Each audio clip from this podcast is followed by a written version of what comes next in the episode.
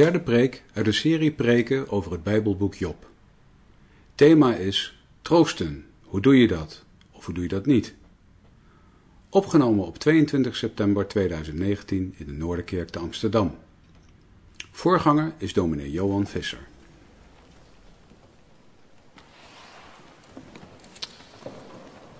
We lezen drie gedeelten uit het boek Job.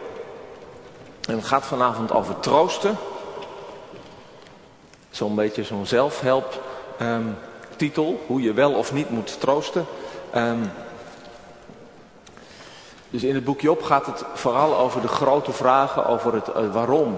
Wat het, wat, waarom er lijden is, wat het betekent, wat, wat, wat God daarin uh, voor heeft, hoe dat dan zich verhoudt tot dat God goed is en rechtvaardig. Maar uiteindelijk gaat het ook om troost. Heel dat best wel ingewikkelde boek draait om hoe wij getroost kunnen leven. Hoe we het ook getroost kunnen volhouden als het leven zwaar is. Nou, en een van die dingen eh, merken we in, die troost merken we in de vrienden die komen. En daar willen we vanavond eh, bij stilstaan. En we beginnen in Job 2, vers 11 eh, tot 13.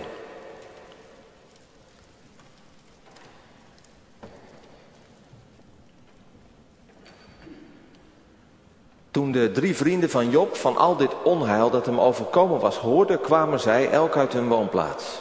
Elifas de Themaniet, Bildad de Suhit en Zofar de Naamatiet. En ze spraken met elkaar af om naar hem toe te gaan. En om hem hun medeleven te betuigen en hem te troosten. En toen zij hun ogen van veraf opsloegen, herkenden ze hem niet. En ze begonnen luid te huilen. Daarbij scheurde ieder zijn bovenkleed en ze strooiden stof naar de hemel over hun hoofd.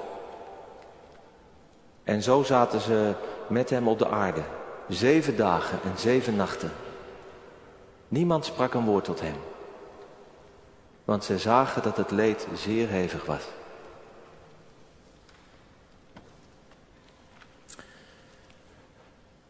Na die zeven dagen gaat Job spreken. Daarover gaat het, eh, gaat het volgende week. Job zijn uitbarsting van verdriet, alle emoties komen eruit. En daarna gaat het gesprek beginnen, want die vrienden gaan wel spreken. En midden in die gesprekken horen we iets van wat dat met Job heeft gedaan. Wat, wat die vrienden hebben gesproken en hoe dat hem heeft geraakt. En daar lezen we uit Job 16, vers 1 tot en met 5. 1 tot 6.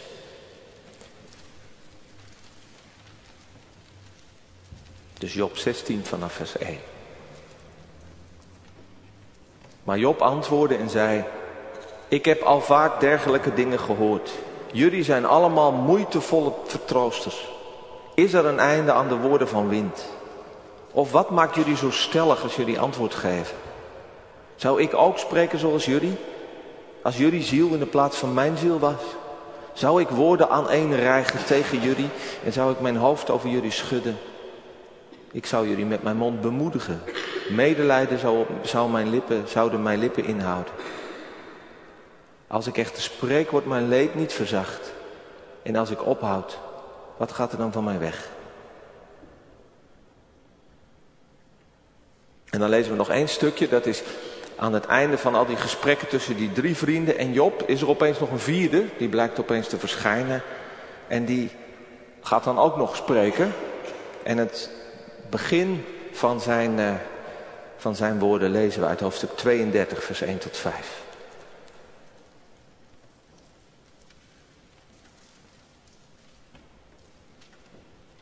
Toen hielden deze drie mannen op Job te antwoorden, omdat hij in zijn eigen ogen rechtvaardig was.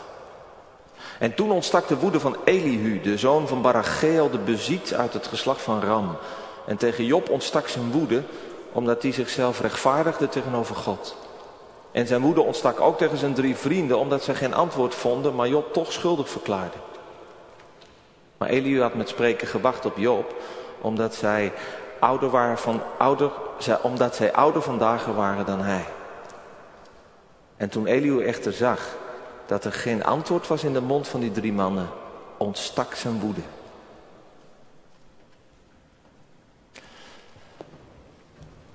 Tot zover. Je bent zalig als je het woord van God hoort en het bewaart. gemeente van Jezus Christus. Deze week zat ik met een collega in Café de Avonden aan de Middenweg in Betondorp. Uh, dit is niet zo'n hele goede plek, geloof ik. Het café is vernoemd naar die naargeestige, troosteloze roman De Avonden van Gerard Reven. Die in Betondorp is opgegroeid. En we hadden het even over de preek van vanavond. En mijn collega vond die troosteloosheid ook wel heel kenmerkend voor het leven van veel mensen in onze stad. Zeker daar in Betondorp, hard, geestelijk leeg, veel eenzaamheid, veel zinloosheid. Hoe troosteloos. En wij bedachten ons hoezeer onze stad snakt naar troost. En hoezeer wij allemaal troosters nodig hebben. En wat een ongelooflijk goud wij hebben gekregen met het evangelie. Van God. En de Heilige Geest die de trooster is. Maar troosten is niet gemakkelijk. Want als je gaat troosten, een ander gaat troosten, word je geconfronteerd met verdriet, met lijden, met de dood vaak. En wat, wat moet je daarmee? Wat kun je eraan doen? Het maakt je ook wel eens bang.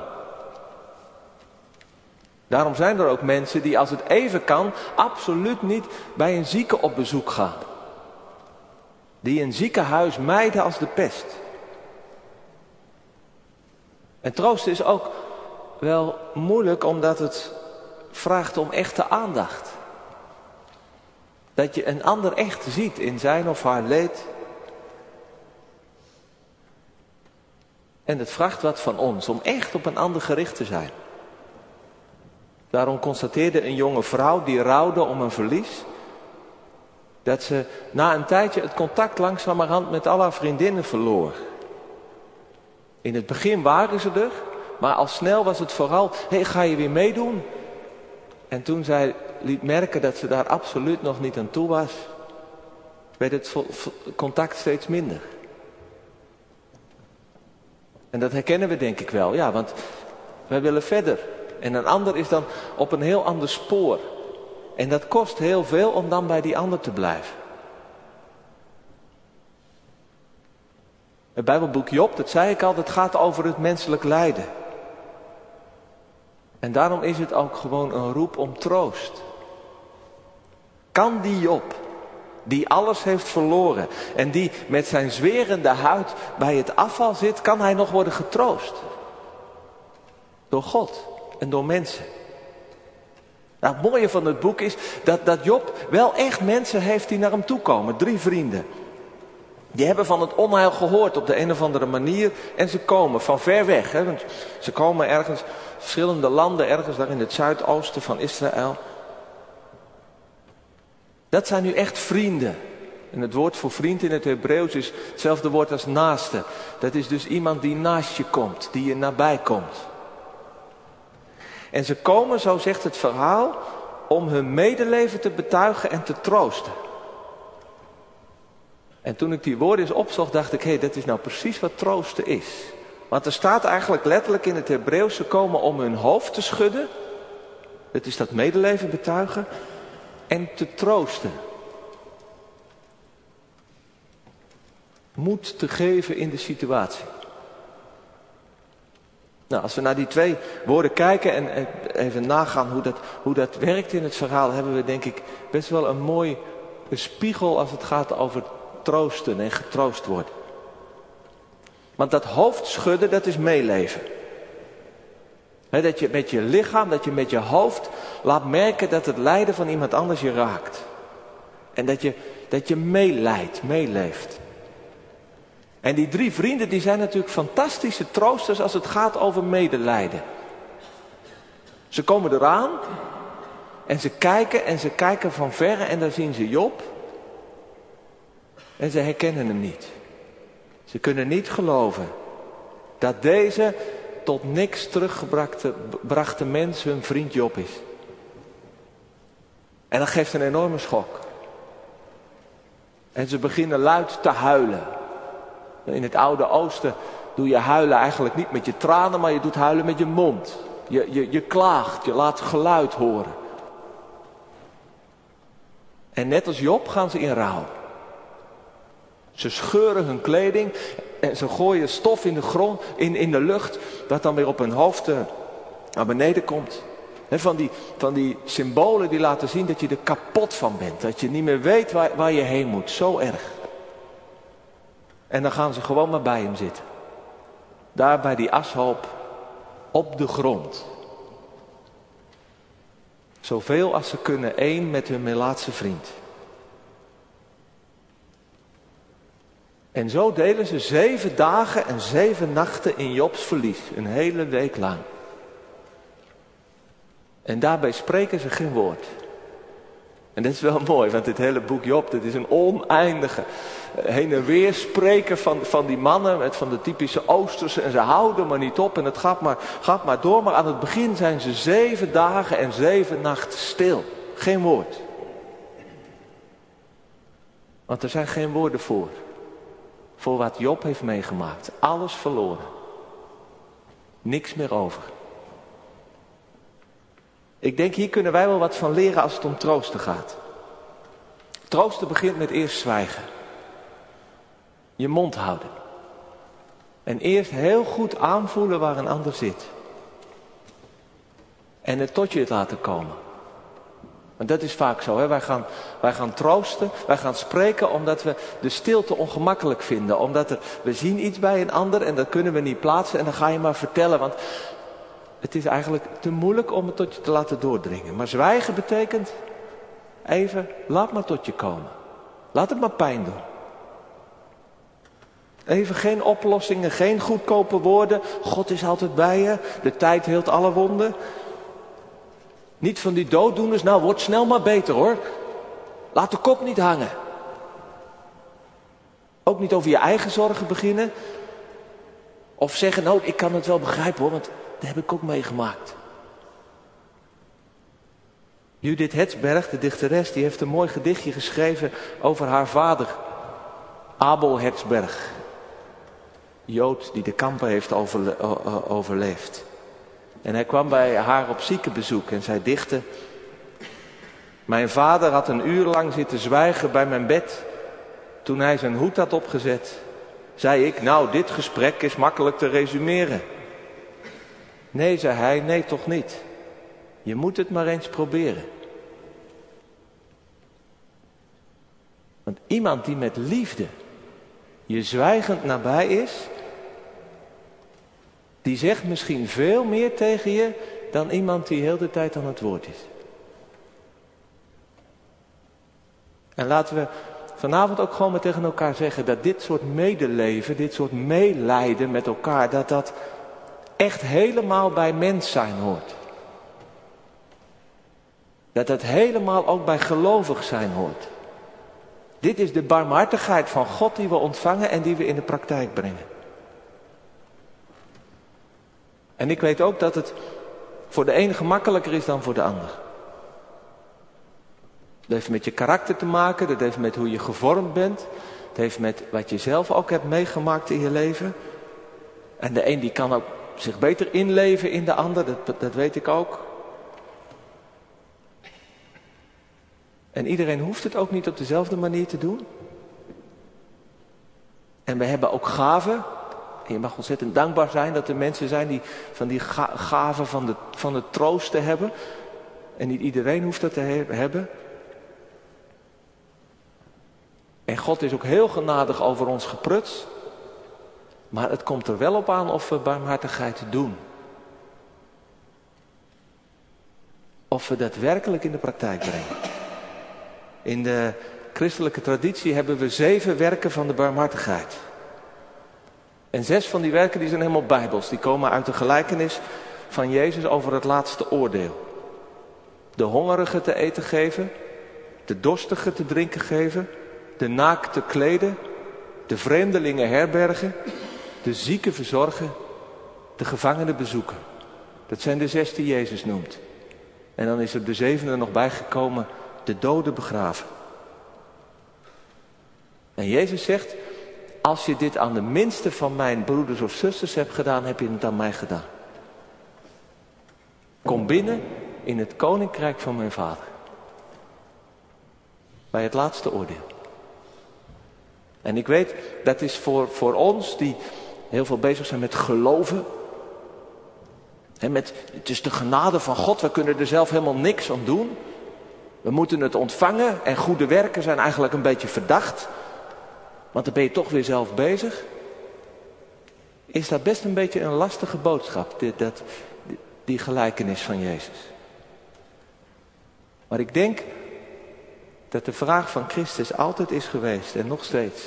Wil je die barmhartigheid van God? Die liefde waarmee God ons heeft gelost, verlost. En dat is, dat is om niet. Dat is echt niet omdat je goed je best hebt gedaan of zo barmhartig bent of wat dan ook. Hij, hij geeft het ons, maar wil je die liefde wel in de praktijk brengen? Want als je dat niet doet, dan heb je het niet begrepen, heb je het niet ontvangen, is het langs je heen gegaan. Het komt erop aan of wij die barmhartigheid van God met de troostelozen willen delen. Die troostelozen met wie Christus zich zo verbonden weet, dat hij zegt dat een bezoek aan het OLVG of aan een klasgenoot van jou die heel lang thuis zit, of het kleding uitreiken aan iemand van wie je op straat ziet dat hij het koud heeft, dat je dat dus doet aan hem. En als je dat lastig vindt, om welke reden dan ook, dan mag, je, dan mag dat. Maar dan moet je niet zeggen, nou ja, dat, dat, dat, doe ik, dat doe ik niet, dat is niks voor mij. Vraag dan gewoon aan God. Of hij je genoeg van zijn barmhartigheid wil schenken en wil leren, zodat je het ook kunt. En dat wil hij doen.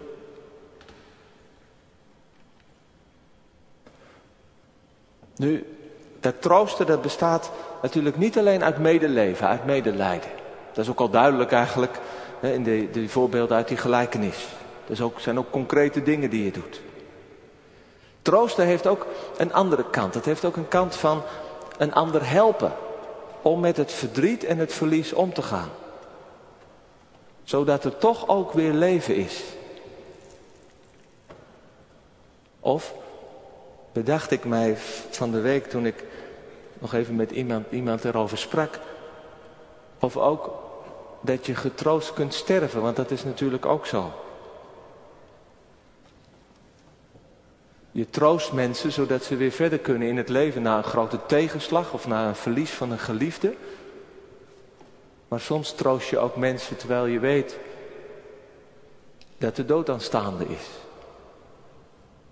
Dan is er niet meer het leven om verder te leven, maar is er nog een stukje leven om, om te sterven.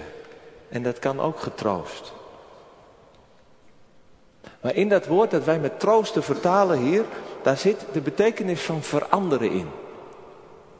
Dus je, je denken, je voelen, je mindset zouden we zeggen, die moet omdraaien.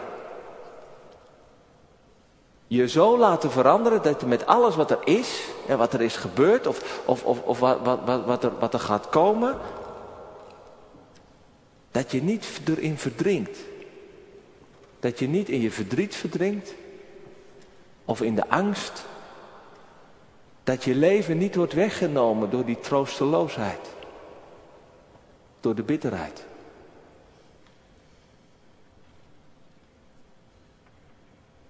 In een boekje over, over verdriet en rouw kwam ik een paar regels tegen uit een gedicht. Een soort tegen de, de, de berusting, tegen dat je het maar, maar laat komen en, en, en je erin laat meenemen. Verdwijn niet zomaar in de zoete nacht. Vecht, vecht, omdat het licht niet sterven mag. Ja, wij zijn bestemd voor het leven. Dat zit denk ik heel diep in ieder mens. Maar het is ook van God. God is een God van het leven en die heeft ons bestemd voor het leven. De dood blijft een vijand, ook al kun je er misschien soms in situaties naar, naar verlangen. En de troost, denk ik, van het Bijbelboek Job is ook dat we Job zien vechten. Hij kiest niet voor zelfmoord, zoals zijn vrouw hem aanraadt. of voor euthanasie. Ik las ergens, dat is, dat is uiteindelijk, hoezeer je het misschien soms ook kan begrijpen door het, het vreselijke lijden dat mensen kan treffen. Maar dat is uiteindelijk collaboratie met de vijand. De dood is een vijand. En als je daarmee mee gaat werken, is dat collaboreren. Job die kiest daar niet voor. Hij houdt het vol in het leven. En hij kiest ook niet voor afscheid van God. Geestelijke dood zou je kunnen zeggen. Nee, hij blijft vechten met God. Hij vecht om te leven. Nou, troosten, dat is denk ik elkaar steunen, elkaar helpen om, om dat gevecht vol te houden. Soms lang, soms levenslang, soms kort, om met dat verlies, om met pijn, om met tegenslag te leven. En dat betekent dus, als je troost, dat je ook niet kan blijven zitten, huilen en zwijgen. Er komt een moment dat je, zoals hier na zeven dagen en zeven nachten, ja toch ergens moet, moet gaan troosten om iets meer te doen. Soms is dat met praktische zaken. En dat is ook met woorden. Soms met, met therapie, wat voor een groot deel natuurlijk ook woorden zijn die daarbij gebruikt worden. Woorden zijn belangrijk. Ik, ik had altijd bij die vrienden van Job, omdat die zo enorm aan het praten zijn. En aan het eind krijgen ze van God er ook echt voor langs dat ze helemaal verkeerd hebben, hebben gesproken. Had ik altijd het idee, die vrienden die ze hadden beter gewoon heel de tijd hun mond kunnen houden. Maar dat kan natuurlijk niet. Ze, ze doen oprecht wat, ze, wat Job ook nodig heeft. Hij moet, hij moet ergens geholpen worden om, om in die situatie iets te zien van wat is de zin ervan, hoe moet ik hiermee verder. Iets met, met inzicht ook. En het is ook behulpzaam om, er, om erover te spreken wat er gebeurd is. Als je er niet over spreekt, maar als je het wegstopt, dan blijft het vaak onder de oppervlakte zitten. En dan is verandering heel moeilijk. Ik denk dat een heleboel mensen in hun leven dat, dat, dat, dat herkennen en meemaken. Troosten is ook elkaar de woorden geven om over het verdriet, om soms over het gruwelijke praten, kwaad te spreken. En daarom is het goed dat die vrienden spreken, maar het is ook wel hun valkuil. En ik denk de valkuil van ons allemaal. En in de komende uh, weken zullen we ook bij de inhoud van die gesprekken stilstaan. Dus daar ga ik nu niet op vooruit lopen, maar ik wil nu nog de vinger bij twee zaken leggen. Waarom het hun valkuil was, waarom ze uiteindelijk toch slechte troosters bleken te zijn.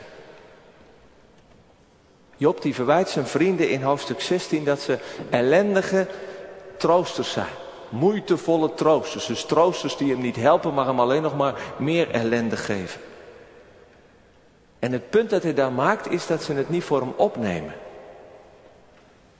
Hun medelijden van het begin is verdwenen op het moment dat ze met Job in debat zijn gegaan over hun theorieën over God en het lijden. En uiteindelijk de vinger bij Job hebben gelegd van jij zit fout. moet, jij moet iets hebben gedaan waardoor je dit lijden hebt verdiend. En in vers 20 zegt, eh, zegt Job dan, gebruikt hij een woord wat ook wel met spotten wordt betaald, vertaald, maar wat is van, jullie zijn slechte advocaten voor mij. Jullie zijn advocaten die mij veroordelen, die mij op mijn fouten wijzen. En dat is natuurlijk gek, een, een advocaat, die, die moet je verdedigen. Die is er voor jou. Nu, als jij met je woorden, met, als, als trooster zeg maar, je tegen een ander gaat keren, ja, dan, dan wordt het wel gevaarlijk natuurlijk. Dan gaat het niet werken. Het belangrijkste is bij die woorden dat je altijd wel het verlies van de ander blijft zien. En dat is wat Job ook zegt, jullie hebben geen medelijden meer. Jullie, jullie, jullie, staan, jullie zijn, staan niet in mijn schoenen, want dan zou ik het echt anders hebben gedaan. Iemand raadde mij naar aanleiding van deze diensten het boekje aan van een Amerikaanse filosoof, Nicholas Wolterstorff, die zijn 25-jarige zoon aan een ongeluk bij bergbeklimmen verloor. Een heel aangrijpend boekje, een klaagzang voor mijn zoon. En hij schreef in dat boekje gewoon maar zijn eigen proces van verdriet en rouw. En dan kwam ik dit tegen. Wat zeg je tegen iemand in zijn lijden? Sommige mensen beschikken over woorden van wijsheid. Voor zulke mensen ben je dankbaar uit de grond van je hart. Niet allemaal zijn ze zo begaafd. Sommigen flapten er vreemde, misplaatste woorden uit. Dat mag ook. Je woorden hoeven niet wijs te zijn. Naar het hart dat spreekt wordt meer geluisterd dan naar de woorden die gezegd worden. En als je helemaal niets kunt bedenken om te zeggen, zeg dan maar, ik kan niets bedenken om te zeggen, maar ik wil je laten weten dat we bij je zijn in je verdriet. Maar alsjeblieft, schrijft die Woltersdorf, zeg niet dat het toch eigenlijk niet zo erg is. Wat ik nodig heb en van je horen wil, is dat je erkent hoe pijnlijk het is. Ik wil van je horen dat je bij me bent in mijn radeloosheid.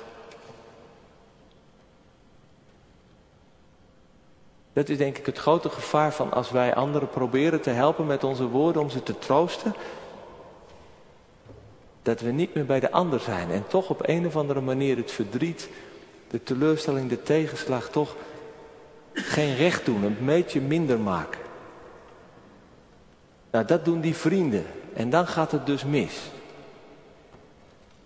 En het andere verwijt dat horen we van die vierde, die, die jonge vriend, die aan het eind opeens uit het niks opduikt. Het is heel veel commentatoren hebben zeggen een hoofd erover gebogen wat nou precies die, die, die figuur is en, en waarom die opeens er nog bij komt. Hij lijkt een beetje op een boze jonge man. Hè, zoals je dat wel hebt. Hè, van, die, van die studenten aan het einde van hun studie. Die, die, die denken dat ze alles weten. En, uh, en daar ook heel erg boos zijn over al die andere mensen die er helemaal niks van snappen. Zo'n figuur is dat een beetje. En, en het punt dat hij maakt, en dat hebben we gelezen, dat is wel helder. Hij zegt, jullie, wat jullie zeggen, dat klopt niet. Jullie zitten op een verkeerd spoor. En zo komen jullie er niet uit. Hè? Het is of Job is onschuldig en die zegt tegen de Heere God, nou u moet zich maar rechtvaardigen, u moet maar duidelijk maken waarom, waarom u mij dit aandoet. En aan de andere kant zijn er de vrienden die zeggen, ja maar dat kun je niet maken, want God is altijd rechtvaardig, dus Job moet wel schuldig zijn. En daar zitten ze in vast. En, en, en die Eliu die denkt dat hij wel een uitweg daaruit heeft. Of dat hem dat lukt, nou daar komen we misschien nog op. Maar wat denk ik zijn punt is, is denk ik wel als je woorden spreekt over het lijden, over dingen die mensen diep hebben geraakt, weet dan wat je zegt. Want met verkeerde beelden van God, of met ideeën over het leven, kun je meer kwaad doen dan goed. En juist die vragen van lijden en kwaad, die vragen om een hele grote voorzichtigheid en eerlijkheid. En allerlei theoretische verklaringen waar, waar Job en zijn vrienden dan mee bezig zijn, of van die dooddoeners die wij dan wel gebruiken, die zijn eigenlijk niet op hun plaats. Dat is eigenlijk altijd weer een valkuil van zekerheid zoeken waar die niet is. Die zekerheid van, ja, jij had het verdiend, het is je eigen schuld. Of jij had het nodig. Dat was nou echt dus nodig dat je op je plaats wordt gezet. Of dat je een stuk zal groeien. Je wordt er sterker van, je wordt er geloviger van. Of ja, het is natuurlijk vreselijk, maar, maar, maar, maar die ander die, die, die eh, ontvallen is, die wordt wel bewaard voor heel veel onheil en, en, en pijn. Of, nou ja, het hoort er gewoon bij, hè. En anderen, die hebben het misschien nog wel moeilijker dan wij. Ja, dat is een soort zekerheid waar het boek Job ons, eh, eigenlijk die het boek Job ons probeert af te, af te leren. Job wil er allemaal niet van weten. En God geeft hem uiteindelijk gelijk. En het wil ons zeggen dat wij heel veel van het lijden en het kwaad in de wereld niet begrijpen. En Gods wegen daarin ook niet zien. We moeten het dus niet met onze zekerheid, die in, in onze theorieën over God en, en, en over hoe de wereld in elkaar zit, zeg maar, moeten we het niet doen. Maar we moeten de zekerheid in God zelf zoeken. Als we woorden van troost spreken tegen anderen, moeten we niet heel snel gaan zoeken naar verklaringen en denken, nou als we dat dan hebben, dan is het een soort van, van troost, dan weet je hoe het zit, dan kun je misschien ook verder. Maar ik denk, juist moeten we zoeken naar de eerlijkheid over hoe kwaad het is, hoe pijnlijk. En dat we daarin God zoeken, die ons daarin nabij komt. Dat God daarin verschijnt. Zoals dat uiteindelijk aan het eind van het boek Job ook gebeurt. Als wij niks meer te zeggen hebben en uiteindelijk moeten zwijgen, verschijnt God. Daar loop ik niet op vooruit, maar nog wel één ding. Die ons denk ik ook wat troost kan geven, zodat we weer verder kunnen gaan. God is aan ons verschenen. In zijn zoon. En ik moest denken aan dat ene moment uit het evangelie dat Jezus ook een vriend was. En dat hij bij het graf stond van zijn vriend Lazarus. Hij was te laat gekomen. En hij stond bij het graf en toen huilde hij. Jezus weende, zegt het evangelie. Om het verdriet van Martha en Maria. En hij werd toornig, staat er dan ook. Hij werd er kwaad op tegen, woedend op die dood. Op het lijden, op alles wat, wat ons mensen overkomt. En hij sprak geen enkele verklaring. Geen dooddoeners. Maar in zijn verdriet en in zijn woede sprak hij woorden van God. Zo vol van leven en zo vol van de eeuwige liefde van God, dat Lazarus naar buiten moest komen. Terug het leven in. Ik ben de opstanding in het leven. Ik vecht tegen de dood, omdat het, het licht niet sterven mag. Bij deze God is dus troost. De laatste, de enige troost in leven en in sterven. En onze troost, ons medelijden, onze woorden, die kunnen net als ons verdriet en onze pijn en onze teleurstelling, onze troosteloosheid gevuld worden met de barmhartigheid en met de liefde en met het medelijden van deze trooster. Zodat wij getroost worden, echt. Zodat de troostelozen van de avonden en de jobs van deze wereld. En ook alle troosters die weten hoe moeilijk en hoe zwaar het kan zijn om te troosten. Dat wij getroost worden. Wij allemaal. Laten we schuilen bij Hem. Amen.